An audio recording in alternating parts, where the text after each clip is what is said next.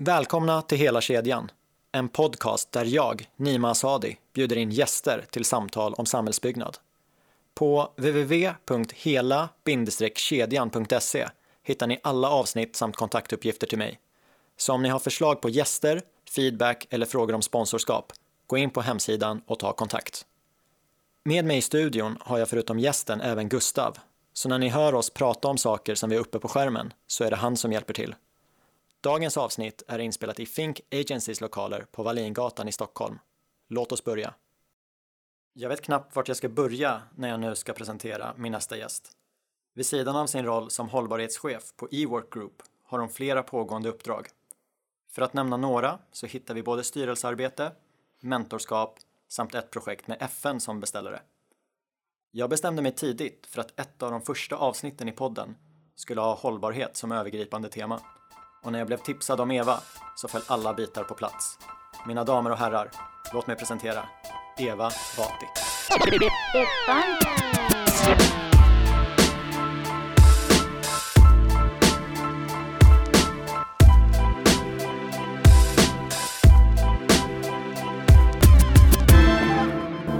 Varmt välkommen till studion Eva. Mm, tack, kul att vara här. Ja, hur, hur, hur är läget? Jo, det är bra. Du, eh, du flög ju till Stockholm från Bjärred i morse. Hur, hur står sig Stockholmsklimatet mot... Eh... Mot Bjärredsklimatet? Ja. Eh, jo, men det står sig bra. Det var faktiskt sol, soluppgång när jag eh, landade här på Arlanda. Ja. Så det var härligt. Du, du har ju varit med i eh, några aktiviteter under dagen som vi kommer komma in på. Mm. Och nu är du med i en podd om samhällsbyggnad. Mm. Så jag tänkte, jag tänkte börja med att fråga, vem är Eva Vati och vad har du för koppling till samhällsbyggnad? Mm. Ja, vem är jag? Ja, det är en bred fråga. Vi kanske kommer in i den. Men samhällsbyggnad för mig är egentligen eh, så mycket mer än om bara byggnader och städer.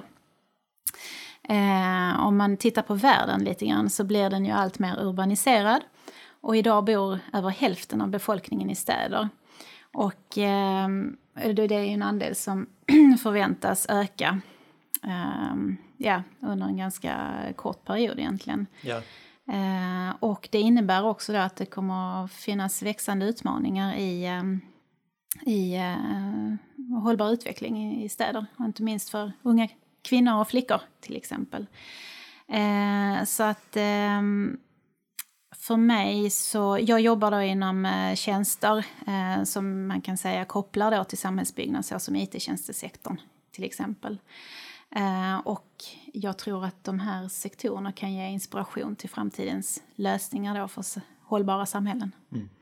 Jag känner igen mig i det där med urbanisering för att Ja. eh, det, det har jag fått höra i alla fall de senaste 20 åren att ja, men varje dag så flyttar det två fulla bussar till Stockholm. Mm. Och sen så tänker jag, men nu när det har varit ganska fri rörlighet i Europa Ja. och alla man pratar med när de flyttar till Spanien eller vad det nu är Mm. så är det ju alltid till de större städerna. Eh, I alla fall i min bekantskapskrets. Så Ja, precis. det, det fenomenet eh, det blir nog bara starkare och starkare. tror jag också. Eh, Jag nämnde i introt att du idag är hållbarhetschef på eWork Group. Mm. Just det. Kan du inte berätta lite om din, din nuvarande roll? Mm. Vad, gör du om dagarna? om dagarna på eWork Group. Eh, nej, men jag har två roller egentligen på eWork. Eh, och den ena är ju då att vara hållbarhetschef. Eh, då eh, kan jag berätta att eh, jag rapporterar till vår vd och ingår i ledningsgruppen för centrala funktioner. Eh, men jag katalyserar sa- hållbarhetsarbetet på eWork. Mm. Det vill säga att eh, eh, integrera då hållbarhet och hållbarhetsmålen i eh, affärsstrategin och eh, verksamheten, verksamhetsprocesserna. I Sverige då? Nej, alltså globalt för eh, bolaget eWork Group. Kul. Mm. Stor genomslagskraft när, Ja. när initiativen bestäms och ska implementeras. Ja. Jag, jag har hört talas om eWork Group men inför det här mötet så gick jag in på hemsidan och Mm. Just såg det. att ja, men, eWork det är förmedlarkonsulter. Eh, Mm. De parar ihop rätt uppdrag med, med rätt person. Mm. Och då tänker jag att ja, men då är ju väl många som jobbar under e-work-brandet, det, Mm. det är ju inte anställda. Så hur Nej, säkerställer precis. man då att de följer hållbarhetsprinciperna? Och, Just Så. det. Mm, ja, men den är, det har varit en intressant fråga för oss just för att eh, som du säger då så har vi inte anställda konsulter utan vi jobbar med ett nätverk av olika konsulter kan vara egna, egenanställda eller eh, vara anställda i större bolag. Ehm, och eh, där har vi vår leverantörs, det är ju vår leverantörsbas då som vi behöver säkerställa. Eh, och där har vi jobbat till exempel nu med att eh, våra um, Code of Conduct, så att de efterföljer dem och skriver under på det. Och, eh, och våra Code of Conducts bygger då på FNs, alltså UN Global Compacts tio principer. Ehm, så att, ehm, ja, så att vi säkerställer att, att eh, de personer då som matchas mot uppdragen har en, ehm, står bakom de här tio principerna precis, och det, det är ett material man, man får innan man börjar jobba med det Ja. antar jag då? Läser Precis, igenom. läsa igenom och skriva under på och så. Ja. Ja. Byggbranschen har, har något liknande. Eh, Men då gäller det ofta säkerhet, att när du kommer till en Mm. Just arbetsplats så, så läser du igenom arbetsplatsrutinerna. ja, Och det kan ju vara 60 sidor. just det. Och när du kommer till en byggarbetsplats och ska jobba i åtta timmar, Mm. då läser inte du dem. Och du tänker att de är så lika andra bolag. Mm. Eh, om, om vi går in på, på era, hur, hur, Mm. hur tjock är bibban man kommer till? Eh, Den här som de läser igenom, Ja. den är inte mer än, eh, det är, ja, det är väl en sida, knappt eh, en, en två sidor kanske. Ja. Men sen är det ju som du säger att sen hamnar de hos en, på en plats, alltså en kund. Och då såklart får de ju ta del av kundens ja, regler eller förhållningsregler då. Och då kan det vara just eh, som du säger de här tjocka bibborna med eh, säkerhetsregler och så vidare. Ehm, men eh, det tycker jag, ja, alltså det, det ska man också tänka på att göra användarvänligt. Det behöver inte vara en tjock pappersbibba. Nej, jag, jag håller helt med. Utan det kan också vara en digital, det kan vara digitalt, alltså en, en ehm, eh, vi, vi har till exempel på e-work någonting vi kallar för e-push. Där vi pushar ut ehm, nya instruktioner lite på ett roligare sätt och så kanske man får svara på några frågor. Ja. Och, så. och då kan man ju följa upp det så att de har läst det och förstått det. Ja. Eh, och så har man då kvitto på det, liksom att medarbetaren är, är med på, på vad som gäller så att säga. Precis, och där kommer, kommer nog komma mer och mer. Och Ja, då det kommer det jag handla om ja, men det här digitala. Ja. Behöver den vara 45 minuter? Kan den inte vara fem? Alltså det, Ja. det finns förbättringspotential i hela kedjan. Ja. Eh, Jag är jätteglad att du är här Ja, och en av anledningarna till att vi ses just idag Mm. är ju för att du har varit på en hel dag med eh, temat, eller titeln, Nya perspektiv på finansiering Mm. och undertiteln Hur kan vi skapa jämlik, jämställd och hållbar finansiering? Kan Mm. du inte berätta lite om ditt deltagande idag? Eh, jo, mitt deltagande, det var ju många som deltog så att det var många olika ehm, punkter då som diskuterades omkring eh, finansiering och jämställdhet och eh, ägandeskap till exempel. Ehm, fastighetsbranschen, hur ser ägarbilden ut och så. Men eh, min punkt handlade ju väldigt mycket om att ehm, koppla verksamheten till ehm, de globala målen och prata utifrån vilka affärsmöjligheter det finns inom, som ryms då inom de 17 globala målen. Mm och hur företag då kan, ehm, alltså både företag och investerare då kan eh, jobba med de globala målen eh, för att dels se vilka möjligheter det finns och vilka risker det finns då i en verksamhet så att säga. När vi satt och pratade lite innan den här inspelningen så, Mm. så kom vi in på att eh, jag funderade lite på med mina pensionsavsättningar Mm. om jag vill investera i bolag som, som står för eh, en jämlik och, och jämställd och hållbar värld eller sådana värderingar. Mm. Vad kan jag göra? Eh, så det tänker jag fråga dig nu på, Mm. på band. Ja, Hur ska jag göra om jag, jag vill investera i bolag som, som står för de här värderingarna? Hur hittar jag dem? Ja du, den, eh, den frågan är jätte, jättebra. Ehm, och jag, jag, jag känner så här att eh, det börjar komma mer och mer på tapeten. eh, att man efterfrågar den typen av bolag. Ehm, jag tänkte så här att jag tänker nämna eh, min goda vän Sandra Bourbon som driver Framtidsfeministen som Ja. ett exempel på eh, där hon som person har tagit tag i det här då, för hon, hon letade ju också efter den här typen av bolag, då, jämställda bolag, att investera i, därför att de går bättre. Eh, Ja. Om man jämför, ja. Och det har du en siffra på. Ja, eh, absolut. Eh, och eh, där driver hon eh, Framtidsfeministen där hon samlar ett tiotal bolag då, som hon benchmarkar eh, mot Allbrights rapport omkring jämställda ledningsgrupper och styrelser. Och eh, det fina är då, då att hennes, hennes portfölj har ju utklassat Stockholmsbörsen med vad är det, 73-75 procent någonting. Ja, du har Ja. den där uppe. Mm. Vi, eh, vi har hemsidan uppe på skärmen nu Ja. och det är framtidsfeministen.se. Det, Där kan man gå in och läsa mer om man har samma funderingar som, Mm. som jag hade för några månader sedan. Eller Just har fortfarande, men nu Mm. kan jag förmodligen få, eller förhoppningsvis få ett svar. Ja, men nu, precis. Nu gör vi lite reklam för Sandra. Men det, det förtjänar hon. Hon är jätte, jätteduktig på det här. Får vi skicka en länk till podden så att hon vet om det också. Mm. Ja. Eh, du, du nämnde de, de hållbara målen, de 17 Ja. målen. Eh, Agenda 2030 Just går det. de väl under? Yes. Eh, för de som har sett en bild på de här Ja. 17 rutorna men Just det. inte vet så mycket mer. Kan, kan du berätta lite om, Ja. om, om bakgrunden och vart står eh, vi idag? Och vi kan ju både vara Sverige och världen. just det. Eh, nej, men då kan jag backa lite där och säga att eh, de här 17 målen, det är eh, 193 länders eh, ledare som har enats om målen. Så det, det är ju världens mål. Det är inte FNs mål utan det är faktiskt världens mål. Ehm, och jag brukar säga att det här är ju världens största projekt. Därför att det har en tydlig början och ett tydligt slut. Eh, och eh, de 17 målen handlar egentligen om att utrota fattigdom, eh, minska ojämlikhet och eh, lösa klimatkrisen till år 2030.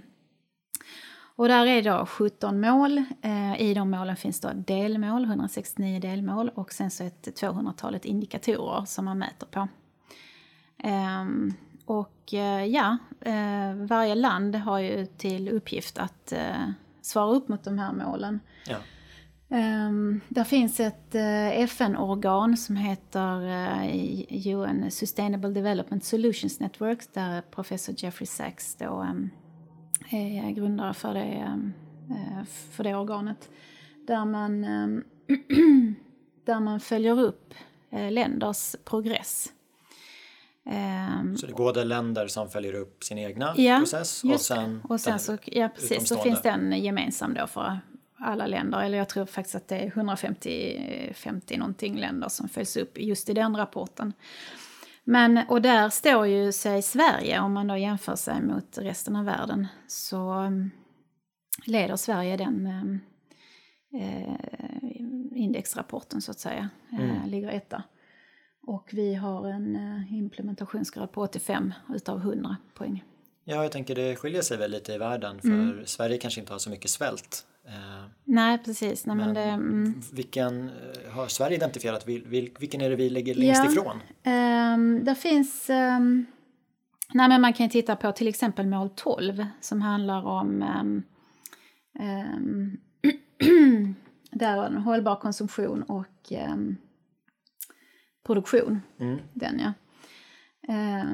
Där har vi en del att bita i. Ja. Och, eh, och titta på liksom just eh, hållbarhetsaspekten och eh, hur vi återanvänder och, och hur vi konsumerar till exempel. ja, för där ser man, det finns väl någonting att ja, men det här datumet i kalendern, då har Sverige förbrukat sina resurser. Ja, precis. Och jag tror att vi ligger väl på över tre gånger förbrukningen, eller har du någon annan Ja, nu har jag inte den exakta. Det är mm, Gustav någonstans... kanske får reda på den. Ja, Gustav tittar på Ja. Men, men vet vi någonting om trenden? Blir vi bättre eller, eller sämre? Konsumerar vi mer för varje år som Ja. går eller mindre? Det, det, Ja, det är en, eh, det, den trendkurvan har jag inte, jag har inte gått in så i detalj och tittat på hur den ser ut från föregående år. Men, men eh, jag tror tyvärr att vi går åt fel håll faktiskt. Um, utan att ha någon vetenskaplig liksom, du, där har du något.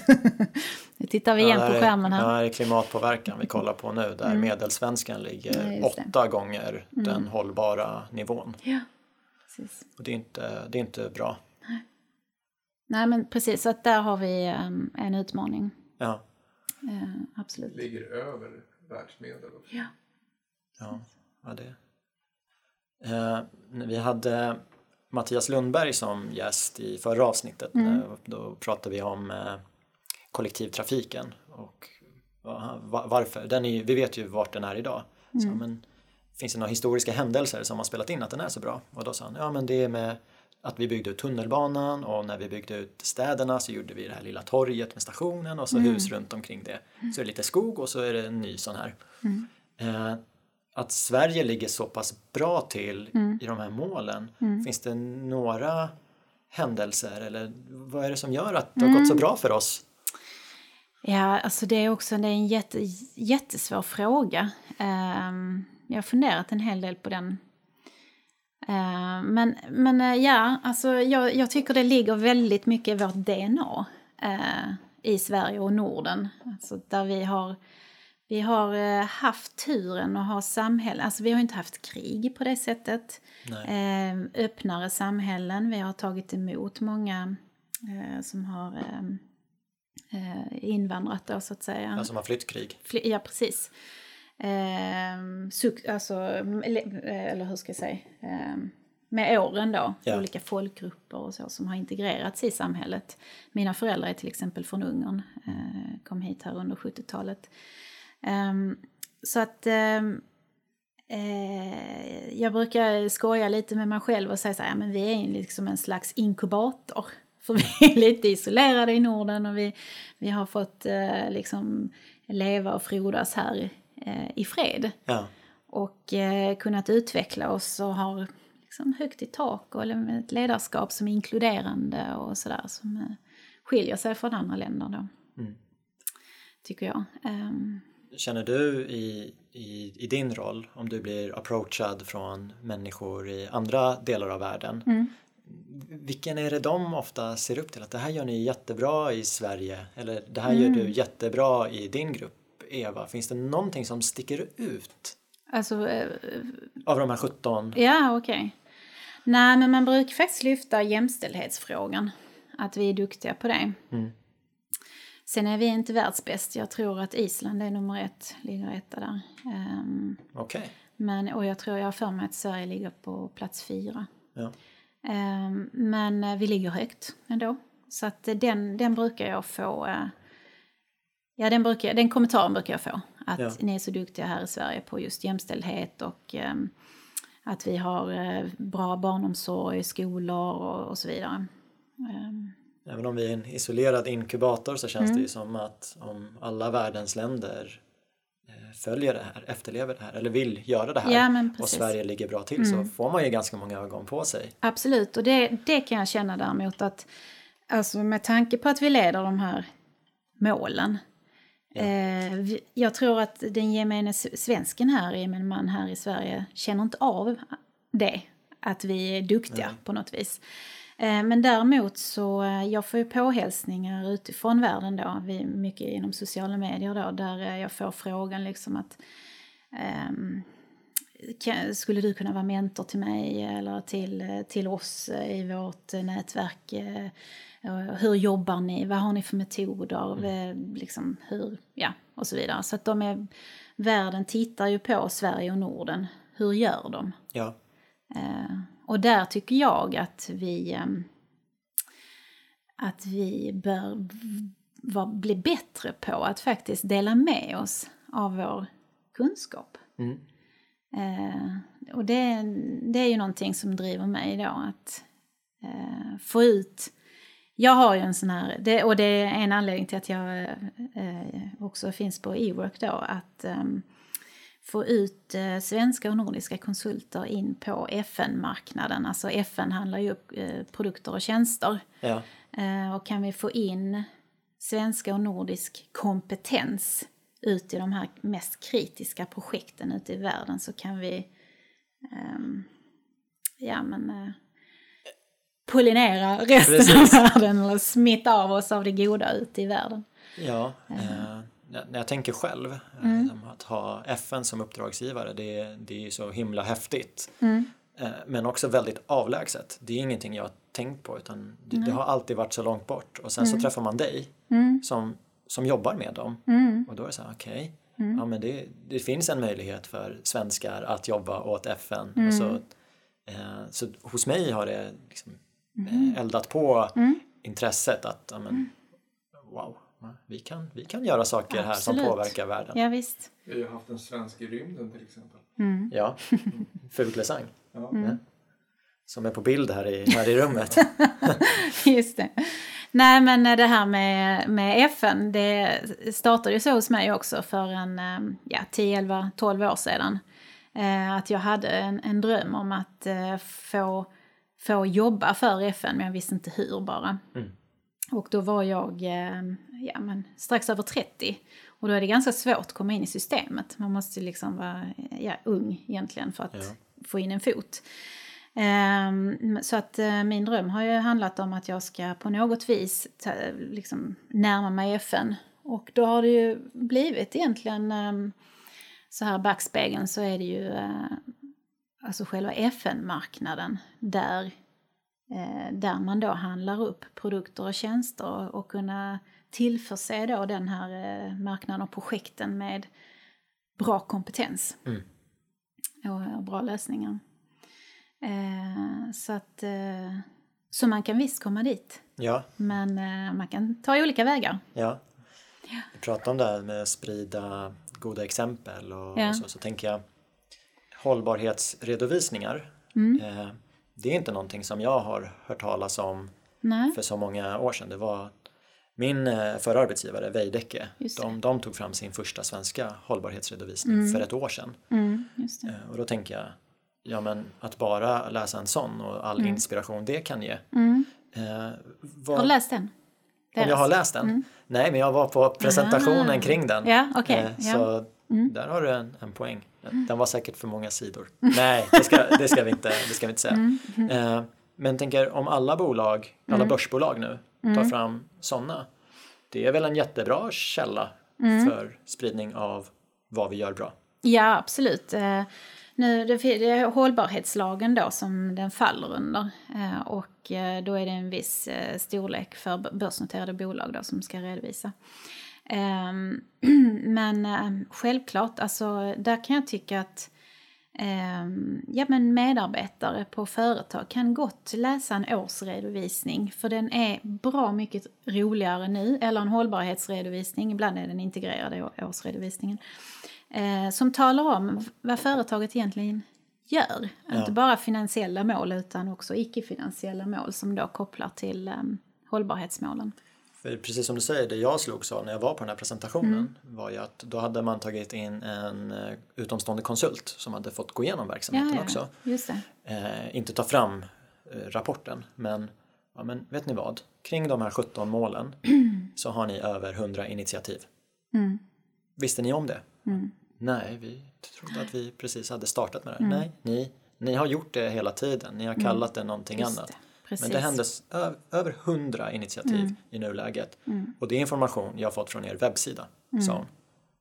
Och vi vet ju alla att det finns ju ganska mycket man gör som inte hamnar på eh, hemsidan. Ja, ja precis. Och då, då fick man en, en himla boost i ryggen också Mm. att eh, när någon sa att Nej, men, vi bygger ju betongstommar, det är en miljöbov. Kanske, men vi gör så här många bra saker Mm. och koldioxidutsläppen det är ju någonting som vi har på vår agenda. Mm, Så det. sprider man det och så ökar medvetenheten bland folk. Mm. Nej, men och det är också det som gör eh, hållbarhetsmålen intressant för att det blir ett gemensamt språk. Helt plötsligt så, så börjar man förstå varandra och branscherna börjar förstå varandra. Alltså var, var kopplar verksamheten in i, i målen så att säga. Och var kan man skapa koalitionsbygge till exempel och, eh, och så. så att, eh, Och målen går ju under Agenda 2030 Mm. ofta. Eh, det- Men det finns ju någonting som heter Initiativ 2022. ja. Kan du inte berätta lite vad, vad är det för någonting? Ja. Eh, jo, det kan jag göra. Det är ett... ehm, det är eh, ett galet initiativ, på säga. Nej, men... ehm, Vem har kommit på det? nej, det är en kvinna som heter Helena Lindemark. Ja. eh, som är stiftaren då till initiativet. Och ehm, nu tänker jag, nu eh, berättar jag storyn bara så här rakt upp och ner. Hon och jag var Kör. i kontakt eh, för ett och ett halvt år sedan. Eh, där hon eh, ja, men berättade för mig om hennes egentligen dröm. Eh, och den handlar i, så här väldigt enkelt att 2022 då har vi kommit halvvägs till 2030 när det gäller agendan. Yes. Och, eh, och dessutom så världens första hållbarhetskonferens hölls i eh, Stockholm 1972. Och det är 50 år sedan, så alltså 2022 blir det 50 år sedan det hölls. Ehm, så att eh, i Stockholm. Ja. Eh, och på något vis då så behöver vi ju fira av det här då, eh, tyckte hon då. Och hade en idé om, om detta. Eh, och eh, hon har ju eh, varit på mig då under, ett och ett halvt års tid.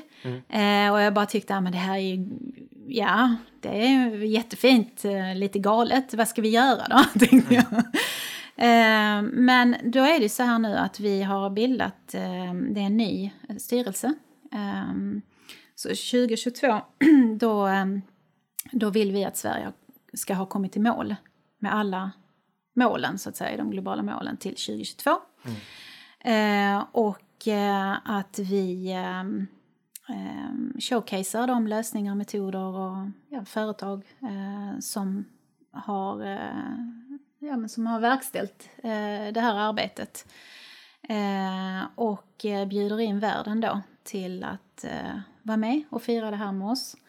Ehm, och dela med oss av eh, kunskap. Och vi har också en idé om att eh, ha ett slags eh, hållbarhets-VM eller tävling. Ja. Där länderna tävlar mot sig själva då i sin egen progress så att säga. Så att eh, Globen är bokad. Härligt. 2022, 5 juni. Och ni har börjat sprida det här. Eh, vi kommer att eh, precis eh, på fredag då så eh, har vi en eh, pressrelease Härligt. om det. Så att när den här podden sänds Då- så har vi haft den. Så då, då kan man gå in, eh, Gustav inne nu på 2022 initia- initiativ.se. Punkt .org kommer det vara. org. Vi håller faktiskt på med en ny hemsida. Ja. Så att eh, den kommer att eh, förändras lite grann. Så och där- den nya styrelsen kommer att eh, finnas med där. Nu är det den gamla som vi ser här ja. Om man spekulerar lite, säg att Sverige når målen 2022. Mm. Ja. Va, vad gör vi då? Aj, det, då, Vi, vi är glada och firar säkert men Absolut. ska, ska Nej, vi men- börja sätta, finns det en plan då för att sätta nya för landet eller hur? Eh, nej men alltså det är, faktiskt så är det så vissa av de här målen, vi har ju, vi har ju strängare, eller strängare men eh, ja, strä, strängare mål i vissa avseenden faktiskt. Men eh, nej men jag kan tycka så här att eh, är man bäst i klassen så medföljer också ett visst ansvar. Eh, och det är att eh, vara vara ambassadör och visa, alltså hjälpa de andra länderna Ja. helt enkelt. Ehm, ta dem i handen och hjälpa och visa att så här, så här, så här skulle ni kunna göra. Så här kan ni påskynda arbetet. För det handlar egentligen inte om att vara bäst utan eh, att, att vi tillsammans går mål 2030. Eller hur? Ja. Det, det är ju det det går ut på. Ja. Eh, Det är intressant. Eh, Håll, hållbarhet har ju tidigare kanske, i alla fall hos mig, haft en koppling till miljö. Mm. Och sen med eh, Agenda 2030, där Just var, nej men vet du vad, det är ekonomisk, ekologisk och social hållbarhet. Det, är, det är tre ben. Mm. Eh, men när, när fokus har varit på, på miljö, och det har det ju varit mycket i, bygg, eh, bygg alltså i samhällsbyggnadsbranschen. Mm. Vi, vi certifierar eh, byggnader eh, och eh, ja, det finns väl lite, lite olika. Och det tänkte jag ta upp med dig. För Mm. eh, nummer ett är att när, när jag började på KTH så, så pratade man om det här verktyget som hette LCA, Life Cycle Analysis. Mm. Och det var, det var ett verktyg, en metod för att varje del som du bygger in i huset, Mm. hur, vad är total klimatpåverkan? Mm. och så satte man eh, pengar på det också. Att eh, Okej. den här dörren, den, inköpspriset är det här men på 50 år kostar den här och har det här miljöavtrycket. Just det. Mm. Eh, Det pratar man om 2006. Eh, När jag var på Stanford och läste en kurs 2010 då var ju det här the next thing. Liksom det, det viktiga var integrated project delivery, alltså samspelet, det vi kallar samverkan ibland. Och så var det life cycle analysis. Det, det kommer slå. Eh, Jag har jobbat i byggbranschen i sju år nu och jag har inte sett det i något av de projekt som jag kommit i kontakt med, både hos det egna företaget men också hos externa. Det jag har sett är diverse certifieringar, att det här huset är Svanenmärkt, det här huset är LEED-märkt och det här är BREEAM. Det finns miljöbyggnad också. Och en intressant, jag gillar ju sådana initiativ, men en, en intressant grej i dem är ju att det är ingen uppföljning. Nej. Så du får din certifiering när, när du lämnar över huset.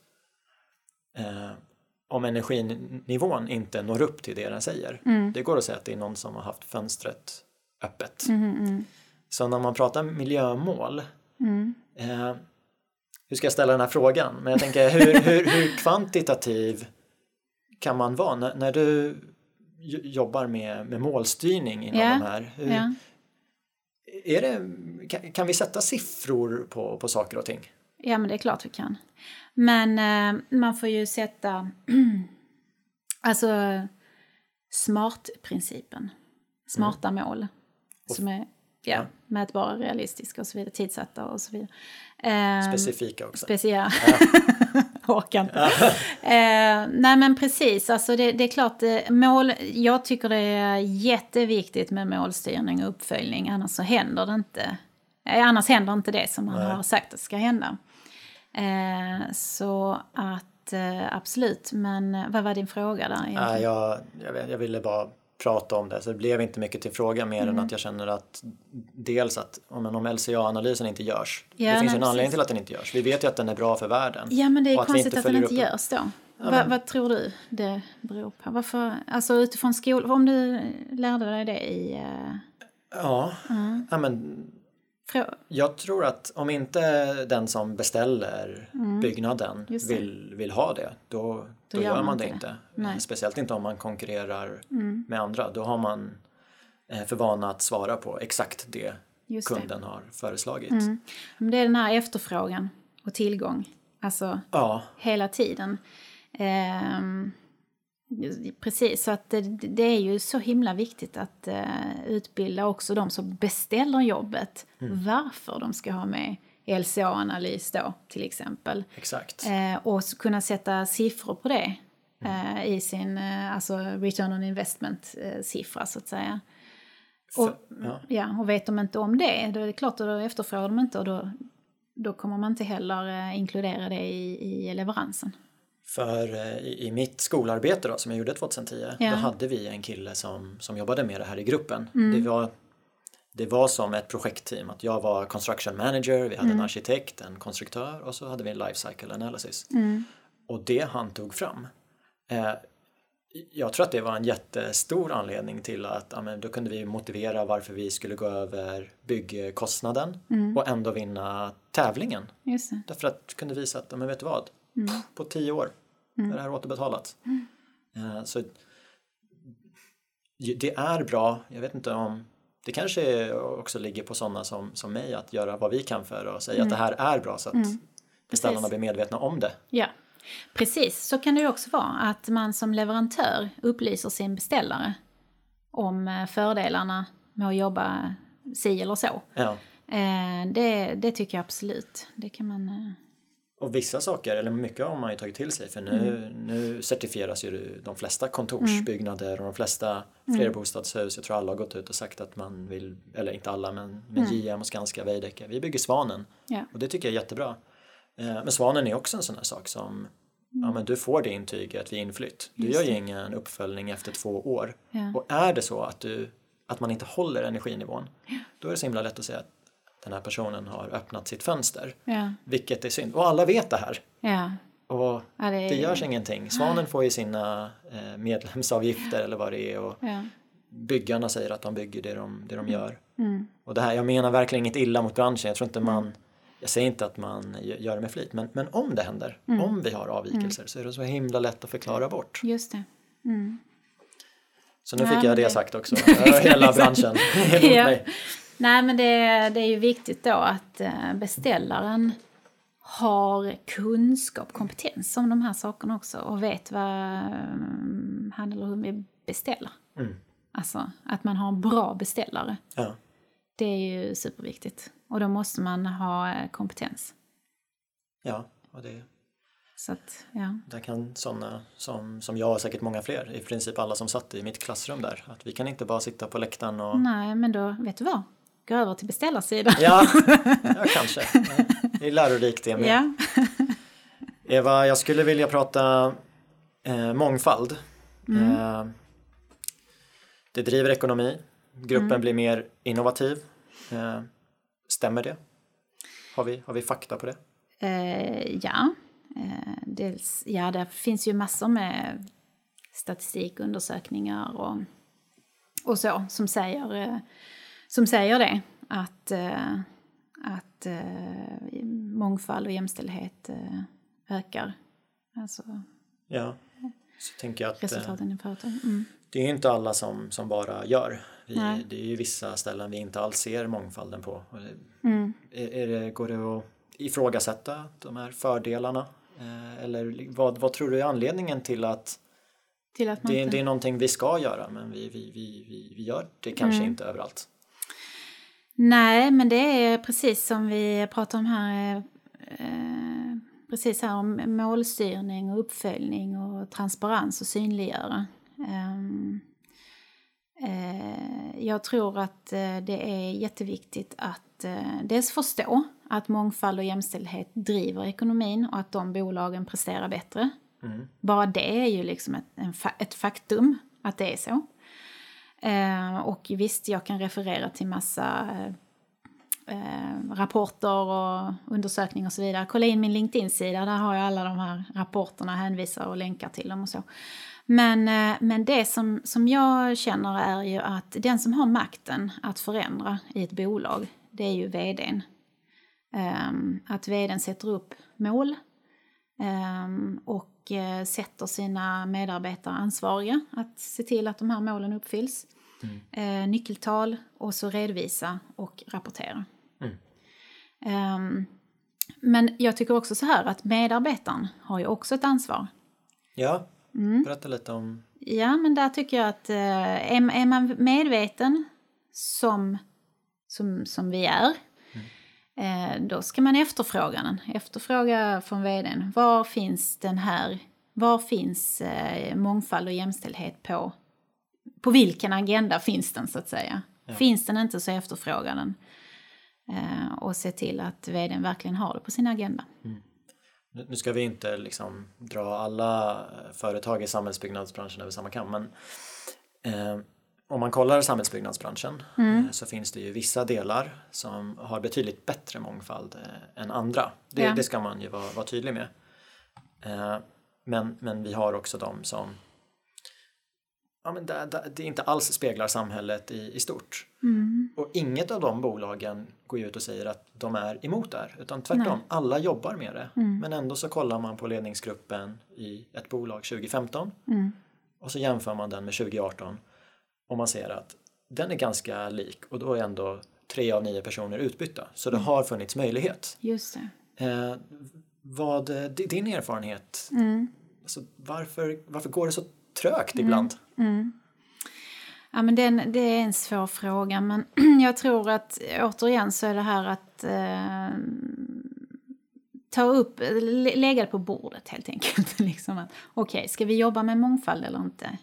Eh, ja, det ska vi. Eh, och eh, där, där tycker jag redan i eh, styrelse, valberedningen då, valberedningen som tillser styrelsen ska ju se till att styrelsen är, att det finns en mångfald i den. Och nu med hållbarhetslagen så kommer det ju faktiskt en, en del i det här då som säger att du ska ha en policy som beskriver då hur du sätter samman din styrelse. Mm. Så att du kan, att du skriver ihop den här då, eh, policyn. Ja, Och sen då att, eh, att styrelsen ställer krav på vdn. Eh, att ja, men, se till att du har en eh, mångfald i, ditt ledning, i din ledningsgrupp. Ja. Ehm, men återigen, det här, det här måste man jobba med.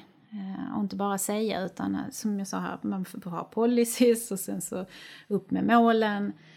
Aktiviteterna, vilka aktiviteter leder till att vi får en ökad mångfald? Och då pratar vi inte bara om kvinnor och män, utan eh, ålder, kön, etnicitet eh, och så vidare. Precis, Eh, det är ju viktigt att nämna att det Mm. eh, förr i tiden, eh, nu pratar jag bara för mig själv igen, att det var så lätt att fokusera på kvinna, man och eh, ursprung. Ja. Men det kan ju vara två personer som kommer från samma eh, lilla by. En har tre barn, den andra har inga barn. Eh, En har spelat fotboll, den andra har Mm. hållit på med ridning. Det är, det är ju saker som har präglat, det är ju en mångfald. ja, precis. Man har olika erfarenheter med sig i bagaget. Men ditt tips är att ja, men man, man går hela, hela kedjan uppifrån och ner, eller om man säger så. Börjar i Ja, alltså... styrelsen. Precis, eh, exakt. Valberedning. Mm. Ehm, och det är klart att um, valberedning det är också ägare och ägare är oftast män fortfarande. Det är Ja. få kvinnor som äger idag. Um, framförallt inom fastighetsbranschen. Mm. Men, ehm, men att uh, medvetandegöra då eh, varför man ska jobba med de här frågorna. Ja. Och det är, det är ju... Jag skrattar igen när jag säger money talks. Liksom. Det är bara så. Det, är, det driver ekonomin. Och det, det, är, det är bättre och lönsammare bolag med en större mångfald. Ja, men hur ska man förstå det? För jag menar ekonomi, eh, du vet ju hur du gör idag. Det är svårt att veta om du gör en viss ändring i det här hur det slår. Jag minns att jag läste en artikel i byggindustrin för något år sedan. Och det var just för att det var något bolag i branschen som inte hade en enda kvinna. Och som, att det blev väl lite olyckligt när de försvarade det. Eh, Så det blev en artikelserie. Och så så, så läste jag vad, men vad säger bolagen och då var det ett bolag som sa så här, nej men eh, vi har en policy och vi är fler kvinnor idag än för två år sedan. Eh, Men det var ju färre procentuellt. Alltså det var ju två år där man har anställt väldigt många. Och då har ju den här personen sagt, nej men vi är fler. Och jag vet inte om man var rädd för att få negativa rubriker. Men tänker jag, om den här personen verkligen tror på det, att vi är fler, vi jobbar med det här, fast man har blivit färre procentuellt, då är man ju inte fler. Och då har man ju missförstått där, då, då Ja. är det ju en grej som man gör bara för att och inte alls för money talks. Nej, men det...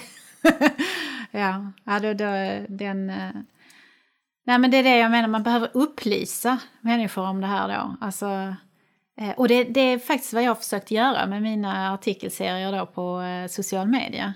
Att publicera de här rapporterna och studierna gång på gång på gång på gång för att eh, medvetandegöra människor.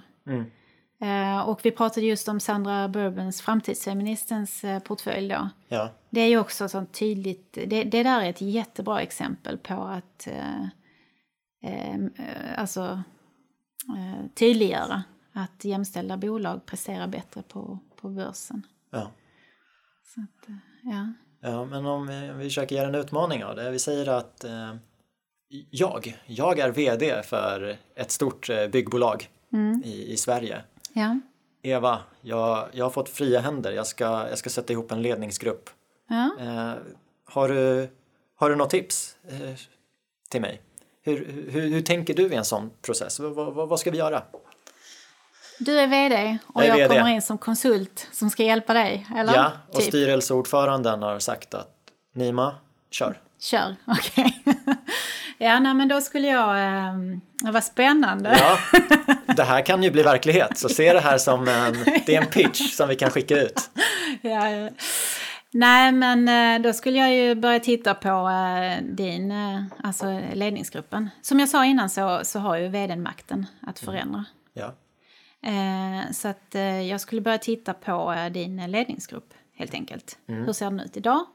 Ehm, Hur, vad kan du göra för att öka den mång, alltså mångfalden då pratar jag om. ja, Och, eh, och där tycker jag är viktigt också att titta på det vi kallar för operativa funktioner och eh, stödfunktioner. Alltså operations och stöd som jag stöder till exempel för mig HR och ekonomi och så vidare. Ja. Marknadsföring, kommunikation. att eh, ha, ehm, eh, ha män och kvinnor i bägge. Mm. Ehm, så, så någonstans där börjar det i din egen ledningsgrupp. Men sen så måste det ju genomsyra hela vägen ner ju. Ja. I alla, alltså i, i, i ledarskapet hela vägen. Ehm, och då behöver man identifiera aktiviteter. Vad ska vi göra för att öka mångfalden? Mm. Vilka aktiviteter måste vi säkerställa att vi har? Och sen så eh, sätta mål på det. Okej, det är de här aktiviteterna. Hur många ska vi göra per år? Alltså, och så vidare. Och så mäta, följa upp och ställa de här eh, affärsområdescheferna till svars då. Se till, du som vd då, se till att de avrapporterar till dig regelbundet. Når vi de här målen? Nej, det gör vi inte. Varför inte? Vad, vad kan vi göra då för att nå målen? Och sen så, eh, det viktiga här också tycker jag är att kommunicera transparent. Ja. Sen ska man ju, eh, sen tycker jag ändå man ska vara eh, snäll mot sig själv och säga att ja men det här är inget lätt arbete. Det är ju en transformation. Framförallt ta storbolag. Eh, till exempel, jag har jobbat på ÅF exempelvis, alltså, Ja. och där har vi jobbat med de här frågorna länge. Men eh, det är ju ett bolag som är Oh, nu tappar jag hur många år. Nu har jag inte det i bakhuvudet. Men det är ett gammalt bolag och det är klart att det är svårt att förändra över en natt. Liksom. Utan Det, det tar ju tid. Ja. Men- eh, det gäller att hålla i. ja, precis. Ofta så kommer man ju, alltså det, det finns ju ett nuläge. Mm. Men det, det man ser ibland är att ja, men det fanns ett nuläge och Mm. nu har det gått tre år. Gruppen, det är samma sammansättning. Ja. Nej men det, precis. Och ser man att det, att, eh, att det inte utvecklas. Om det står stilla Ja. så utvecklas det inte. Då måste man göra någonting. Eh, för mig är att stå stilla är avveckling. Mm. Faktiskt. Så att det måste hela tiden utvecklas eh, åt ja, någon riktning, positiv riktning. Ja. Och ser man att det stagnerar eller står stilla, ja, men byt ut, eh, gör någonting. Ja. Förändra. För det funkar inte så som du har det just nu. Ä- En annan viktig punkt när man sätter ihop en, en grupp eh, det är ju ja, men vad har de för egenskaper? Eh, och tänker jag, det här kanske också är en svår fråga men baserat på allt det du vet idag, vilken kompetens eh, anser du vara viktigast eller har störst påverkan? Eh, På, på om vi tar i samhällsmiljö, ut, utveckling av, eh, av eh, samhället skulle man kunna säga, men i en grupp, att utvecklingen av en, en grupputveckling, i en grupputveckling, vilken egenskap är usch, nej men den, eh, den en egen, nej men det, det kan jag inte, det, där är mångfald. Det, det, du måste ha olika egenskaper helt enkelt för att få en grupp att fungera. Eh, alltså du behöver ha en analytisk, om du tänker så, analytisk men också en drivande men också någon som är eh, omhuldande, omhändertagande eh, och så vidare. Det finns ju, ja, det finns ju massa olika sådana studier på personlighetsdrag eller kompetenser. Men och vdns uppgift blir då att säkerställa det Ja. här. ja, vdn ska ju känna sin, eh, sin ledningsgrupp och ledarstilarna och sätta samman den här gruppen. Så ehm, eh, diversifierat. Ja, men det är intressant eh, ledarskap kontra sakkunskap. Ja. För i alla fall när man avancerar i hierarkier att Ja. Eh, om vi tar inom bygg Mm. så men du börjar som, som arbetsledare kanske. Det, Ja. nu, det här är en helt vanlig karriärsbana. Du börjar som arbetsledare. Då, då Ja. krävs det ju ja, men du ska vara väldigt duktig på momenten som utförs. Sen, Ja. sen nästa steg så kanske du blir platschef. Det är samma där. Du, du ska kunna.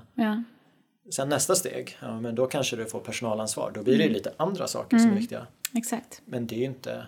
Man tar ju sällan någon som är jätteduktig på ledarskap och sätter den på en Direkt. Mm. sån roll utan det är ju den här sakkunskaps... Det är det som gör att du tar de första stegen. Just det. Ja, men den, eh, precis. Och eh, då kan jag utgå lite grann för mig själv eh, då. Jag började ju som kemiingenjör eh, på labb. Mm. Alltså, Och eh, nej, det var samma där, kemiingenjör, labb, gruppchef eh, och, och, och så vidare, vidareutvecklas. Men det där är ju ett livslångt lärande. Alltså, och utveckling. Så att eh, du som ledare och chef då för dina medarbetare behöver ju säkerställa att de här individerna får rätt förutsättningar för att lyckas i sin roll. Mm. Så att, eh, att man skapar en miljö som möjliggör mångfald. Mm. Det, det är ju det det handlar om. Inte att jag brukar säga, inte, att liksom försöka forma de här människorna så de passar in i en eh, kontext utan, Mm. utan snarare att skapa en miljö där, där olika sorters människor med olika kompetenser och ledarstilar eller personlighetsstilar och så kan, eh, kan samverka. Ja. Jag, jag lyssnade faktiskt på en podcast i, i helgen Mm. eh, på engelska och om man direkt översätter det de sa där Mm. så var det så här, om du inte upplever mångfald blir du aldrig aktiverad. Jag vet inte om det är den bästa översättningen. men. Då, men då tänkte jag på, på mig själv. Att Ja. jag har ju alltid sett mig som, nej men jag, jag gillar mångfald och jag samarbetar med alla. Just jag efter. Ja, fast när det var skolarbeten så valde jag ju alltid mina kompisar. Ja. Eh, när det var visst. på jobbet så, ja men kanske lite. Men jag, jag minns den händelsen då jag satt på ett möte hos eh, min förra arbetsgivare och kände att det här är det bästa mötet jag någonsin har varit på. Alltså, så Ja, när man kul. får den här feelingen och kommer utanför Wow. kroppen. Det är ju, åh, Ja, vad och vil, roligt. vilka, vilka sitter i det här rummet? Så du satt och analyserade? Gud. Ja, men, ja, men det, var, det, var, det var en lycka. För Det, det mötet har ju Ja. påverkat mig så Ja. himla mycket. Jag har haft mina bra. bästa år efter det mötet och det här var tre år sedan snart. Eh, och då kan jag känna så här, nej men om jag inte hade upplevt det, då hade jag ju kanske haft en annan bild av, av riktig mångfald och vad det ger mig. Så när man Just pratar det. om money talks och alla fördelar, när jag tänker på det så är det ju säkert många som aldrig riktigt upplevt det på ett bra sätt och inte kan förstå det. Nej, Och hur, det. Hur, hur sprider man budskapet då? Jag önskar att det fanns en kamera och en endorfinmätare Ja. i bild som visar hur jag kände där och hur Just mycket det. bättre jag har blivit. Det, det, det, det finns ju inte. Nej. Ehm, nej, men precis. Och där, där kan jag relatera också till, eh, till din eh, upplevelse. Ehm, om jag får dra den. Ja, Ehm, och det var, jag, jag blev ju chef tidigt, 23 år gammal, så jag har liksom hållit på eh, att bygga team. Ja. Det är väl det jag har gjort eh, under alla åren. Och jag kom på ganska tidigt att eh, ja, men det här med mångfald, att vi har, man har roligare, mer innovativa eh, om vi är olika och så. Och sen så fick jag, eh, jag skulle bygga ett team, teknisk dokumentation var det inom. Eh, där jag satte upp sådana här parametrar då att eh, ja, men ålder, eh, kön, etnicitet. De tre skulle jag börja med liksom. Ehm, men jag missade alltså sexuell läggning. Mm. Och, eh, och det var ju först egentligen när jag eh, intervjuade folk då till, in till teamet som eh, jag kom på att när jag satt och intervjuade en, eh, ja, både tjejer och killar som var homosexuella, att eh, just det, det har jag inte ens, det hade jag inte ens tänkt på. nej. Eh, men ehm, men eh, jag rekryterade in, och då, då kom det in då, alltså sexuell läggning också i den här, i den här mångfalds... Eh, Vad ska man säga, definitionen för den här gruppen. Ja. Ehm, men det, det var ett experimenterande för att det var ingen annan i, i mitt, eh, alltså på företaget som hade gjort det här. Nej. Utan det var bara något som jag liksom kände att ah, men det här skulle jag vilja testa. Bara för att. Eh, och, och det här teamet var så jäkla bra. De hade de, alltså sjukt roligt tillsammans och samarbetade bra. Och, ja. Hur sprider man sånt? För där har ju du gjort en upptäckt. Hur, hur kan man... ja, men det är... Ja, prata om det Ja. här på din podd. nej, men, eh, nej, men och sen också att de presterade bra. De gjorde bra resultat. Ja. Det var det som jag såg också sen att okej, men de här de har inte bara roligt.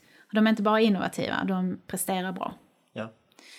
Ehm, storytelling skulle jag säga. Alltså sprida igen, medvetandegöra människor.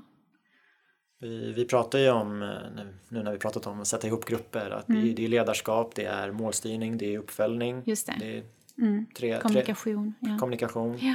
Eh, den här frågan blir ju, blir ju bred, men jag undrar, det, det finns ju företag, det finns personer som bara, men det är klart att vi ska göra det här. Mm.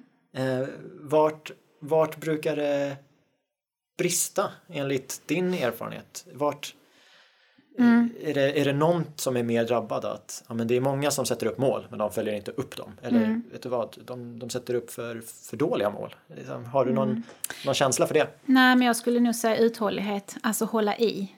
Som jag sa innan, en förändring sker inte över en natt. Nej. Utan eh, håll i, sätt upp mål, ha uthållighet, håll i och ha tålamod. Och, ha, och förhoppningsvis har du en chef också som kan liksom stötta dig då. Eh, och, och ser att du gör goda saker, men det är klart att det tar tid. Eh, så det är väl nog det. Och jag tror att många gånger när vi jobbar så har vi det är massa bränder som ska släckas och det är liksom ad hoc-grejer och sen så tappar man eh, det här eh, lång, alltså, Långa perspektivet. långa perspektivet. Ja, precis. Så uthållighet och tålamod Ja. skulle jag säga. Eh, Eva, jag, jag började det här samtalet med att säga att eh, du är hållbarhetschef på e-work group. Mm. Men om vi droppar den i, i sändningen så du har ju faktiskt sagt upp dig.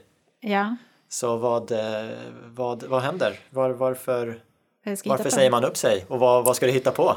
Ja, ja nej, men det är ju pirrigt att säga upp sig sådär, hux flux. Um, 42 år gammal är jag, känner att det var på tiden att säga upp sig. Eh, nej, men ehm, Men Du har ju bytt jobb tidigare. ja, absolut. Nej, men jag ska starta eget ju. Ja, Mm, just det. Eh, så att jag eh, kommer att starta eget bolag från eh, januari. yes.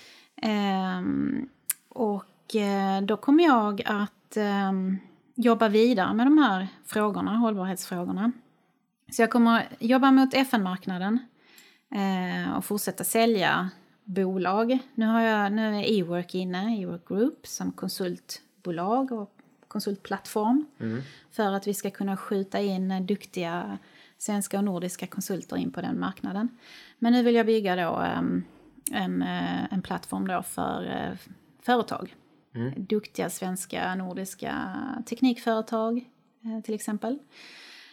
Som kan komma in på den marknaden. Och för att kunna komma in på marknaden då så behöver man eh, prata det här språket som jag var inne på. Eh, globala målen-språket. Det vill säga man behöver göra sin, eh, sin mappning utav eh, verksamheten, affärsstrategin och integrera målen i sin affärsstrategi. Ja. Ehm, för att jobba både med möjligheter, affärsmöjligheter, men också risker.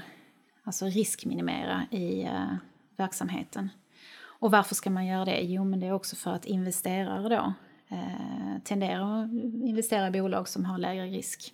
Ja. Som har tittat på de här aspekterna då, med hållbarhetsaspekten. Om, man, om man tycker det här är intressant, hur, hur, hur följer man dig? Så att man har koll på vad, vad som händer Vad som händer? Ja, social media. ja. på LinkedIn. Ja, jag är faktiskt ganska eh, aktiv på LinkedIn eh, och eh, det är ju jättehäftigt med social media för helt plötsligt har man en röst och kan nå ut på ett annat sätt. Ehm, så att eh, följ mig på LinkedIn. Sen finns jag på Instagram också under eh, The Future is Equal. Mm. Mm. Det är ju mitt, eh, ja, min vision då. The Future is Equal. Jag tror på den. Ja. Du sitter med två personer här i rummet som helst inte säger sina nicknames på Instagram. För Jaså? de är inte lika coola. Jo, det måste ni säga.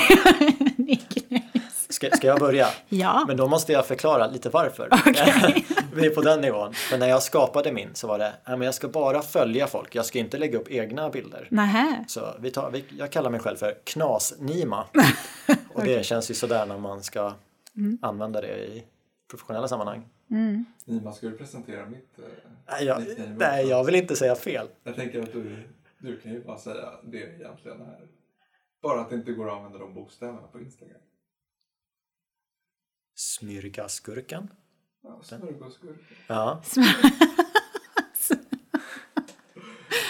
Heter det så? Smörgåsgurkan? Ja, den kom ju till i brist eh, av... Eh, ja, namnen var upptagna på Ja, Instagram. ja, ja, precis. Så eh, det smeknamnet kom till på en eh, Fest. Nej, efterfest, äta inte. när man var 15 kanske. Okej. Men jag skulle jättegärna vilja, om vi kommer tillbaka till, eh, Vi går tillbaka till samtalet, Ja. att eh, eh, nu har, du har ju bytt, eh, bytt jobb förut. Eh, Jag sa också upp mig för några Mm. Just det. Mm. månader sedan. Och eh, för mig var det en ganska stor grej. Men Mm. jag ska börja med dig. Hur, Känslorna när du sa, sa upp dig. Mm. Eh, blir det lättare med, med tiden? Du har ändå bytt arbetsgivare. Mm. Eller kommer det vara lika jobbigt för mig nästa gång också? Vadå, säga upp sig? Ja. Eh, nej men alltså eh, att säga upp sig är jättejobbigt för mig. Eh, det är sjukt jobbigt. Jag gillar inte att säga upp mig. Nej. För jag, jag är så lojal. Eh, och eh, jag blir ett med bolaget. Eh, så att denna gången så kommer jag jobba för mig själv. Så jag, jag tror inte jag kommer säga upp mig flera gånger. Nej. Ja, jag, känner, jag känner igen det där, var ett med bolagen. Eh, Mm. eh, Veidekke var min första arbetsgivare. Jag var just där det. i sju år och jag har inte varit... Jag menar grundskolan, jag gick sex år i Bagartorpsskolan, det var mitt längsta åtagande. Så sju år, det är, det är, det är länge. Det var- Ja, Och där man är ett med bolaget. precis. De firade 20 år eh, för några dagar sedan och hade en jättefest. Och det, är här, det är mitt bolag som fyller 20, jag ska vara där. Ja, nej, det, det är inte någon jag firar jul med. nej. Nej, men det, man, man utvecklar ju eh, känslomässiga band. Ja. Eh, jag, vi, eh, jag, jag jobbade på ett bolag som heter Epsilon tidigare, som blev förvärvat av ÅF. Och eh, när vi blev förvärvade då så sa jag så här till mitt team då att ja, det här är ett arrangerat äktenskap. så nu, nu gäller det bara att hitta liksom de här banden då som kan binda ihop oss. Men, ehm, och det gjorde vi, eller åtminstone jag gjorde det eh, och kände sen att nej, men jag gifte mig med ÅF till slut. Eh, Och, då, det, och det är som att skilja sig sen när man säger upp sig. Att, ja, Men det är dels företagsbandet men eh, det är också människorna i bolaget. Jag, Mm. Ja. jag tyckte det var jättejobbigt att lämna min, min chef. Han, Mm. ja. det, var min, det var min sjunde chef på sju Mm. år. Så jag hade honom i ett år. Och Mm. det var så här. Det var jättejobbigt att jag bestämde mig. Ja, men jag, det bästa för mig, det finns förklaringar till det, men Mm. det bästa för mig är att sluta nu. Men jag drog mig. Det tog två veckor innan jag vågade boka in det där Mm. mötet med honom. För att jag, jag gillar ju, Mm. det funkar ju jättebra. Så hur, hur, hur ska vi göra slut på det här? Mm. Dina ledarförebilder, bra hopp där. Bra, ja, precis. Eh, jag, jag hade ju sju olika chefer på, Ja. på sju år. Och man kan ju ha ledarförebilder även fast de inte är din chef. Ja, Men det, jag har hittat några på de här sju åren. Varav. ja. Arne då, den, den sista, det funkar jättebra. Mm. Ha, har du några som har präglat dig? Du blev chef första gången när du var 23. Mm. Precis, och då hade jag en kvinnlig chef. Sen efter det har jag bara haft manliga chefer. Eh, och eh, jag har slutat räkna, men jag tror jag är över 10, 11, 12 där någonstans. Stycken. Men, eh, och jag kan säga så här att eh, alla chefer har varit på något vis, jag har haft lite turen, alltså jag brukar säga så här, kan du välja din chef så gör det. Om du har möjligheten att, att, att, att kunna välja så, så gör det. Eh, Min, eh, min chef här nu på Ework, Soran, som är vd då, eh, honom ringde jag faktiskt eh, över telefon och bokade in ett möte. För jag, och jag ville ju träffa honom innan Ja. eh, ens jag visste om jag skulle vilja jobba där. Bara för att känna in personen. Eh, för det är jätteviktigt att klicka med sin chef. Men eh, förebilder, ja precis. Nej, men, eh, all, alltså jag känner att jag har många förebilder eh, och kan plocka lite av varje. Ja. Är det vanligt tror du? Att man tänker så som människa? Plocka lite från den, lite bra från den. Ingen aning. Nej, jag vet faktiskt inte. För jag är likadan tänker jag. Du gör och jag, så, jag ja. har trott att, jag, att, in, att vissa är så här, jag gillar den här personen. Ja. Och jag är så här, ja men jag gillar det där och det där. Och det där, ja precis. ja. men så men då är jag vi i alla fall två i rummet. Ja. Är det likadan grej?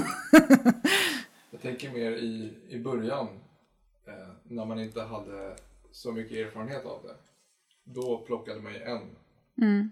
och gick efter den mallen. Men sen ju äldre man blir desto mer plockar man från olika personer. Precis. Det låter klokt tycker jag. Mm. Ja. Ja, men jag kan nog hålla med om det här Ja. faktiskt. Ja, så du plockar lite från, från olika. Ja. Men, men finns det någon som, Som har som, varit... som influerat lite, lite Ja. mer eller kom in i något avgörande skede? Ja, absolut. Eh, ska jag namedroppa dem här? Eller? du vill. Nej, jag skojar. Vi har redan namedroppat tidigare i avsnittet. Nej, jag ska. Nej, men jag har haft en eh, jättebra chef hade jag på OF. Eh, Jonas Larsson heter han. Ja. Eh, kanon, bra ledare. På alla sätt och vis. Eh, sen hade jag, ja men som jag sa innan, min första chef var en kvinna. Och hon plockade upp mig som ledare då, vid 23 års ålder. Så det tyckte jag var väldigt modigt gjort av henne, så här backspegeln, att hon faktiskt vågade göra det. Eh, och det var i ett team där det där fanns en äldre man eh, som hade varit på alltså, bolaget ganska länge i det teamet. Eh, så att, nej men jag det var... För, för man såg ju den här mannen då som den självklara ledaren på något vis eftersom han hade varit där så länge och så. Så kommer en ung tjej in och så. Men eh, nej, hon, eh, Annika heter hon. Mm hon eh, var också en väldigt fin förebild. Sen har jag haft många däremellan då som sagt och plockat. Men eh, de två har, har format mig. När man kollar framåt nu i det nya kapitlet som, Mm. som du startar så är det lätt att drömma. Ja, Så absolut. vad, eh, vad drömmer vi om? Hur ser det ut om två år? Två, Om vi, två år. och då kanske vi ses om två år men vi kanske gör en avstämning tidigare. Liksom, vad, Ja, vad drömmer du om Eva? ja. Nej men jag... Äh, jag drömmer mycket. Jag är en drömmare. Eh, men jag verkställer mina drömmar. Det, det tycker jag är viktigt. Eh, nej men jag skulle vilja verkligen få Sverige att komma i mål 2022. Ehm, ha initiativet, showcasea de här lösningarna som vi har och verkligen nå ut i världen och ehm, spilla över så att säga. Det, det är mina drömmar. Eh, och sen handlar det om eh, the future is equal, alltså ha en jämställd framtid och att alla har lika rätt att leva sin dröm oavsett om man är man eller kvinna. Eller, ja. eh, det drömmer jag om. Det, det instämmer jag med. Mm. Det, låter, det låter jättebra. Eh, klockan har passerat eh, sju Ja. eh, och också 60 minuter. Ja, känns ju. Eh, tänkte tacka dig för att du tog dig tid att komma förbi studion. ja, Det har varit jätteintressant att sitta och prata med dig. Absolut. Tack så mycket. Och det är samma här. ja, Bra samtal. ja, men eh, härligt. Eh, tacka alla som har lyssnat. Och eh, in på www.hela-kedjan.se och, och ta kontakt. Vi lyssnar jättegärna. Vi gör ju det här för lyssnarna. Härligt. Så tack från oss. Mm, tack. Hej då. Hej. Tack så mycket. 65 minuter. Det är väl okej? Ja. Det känns som vi hade kunnat hålla på längre. Ja.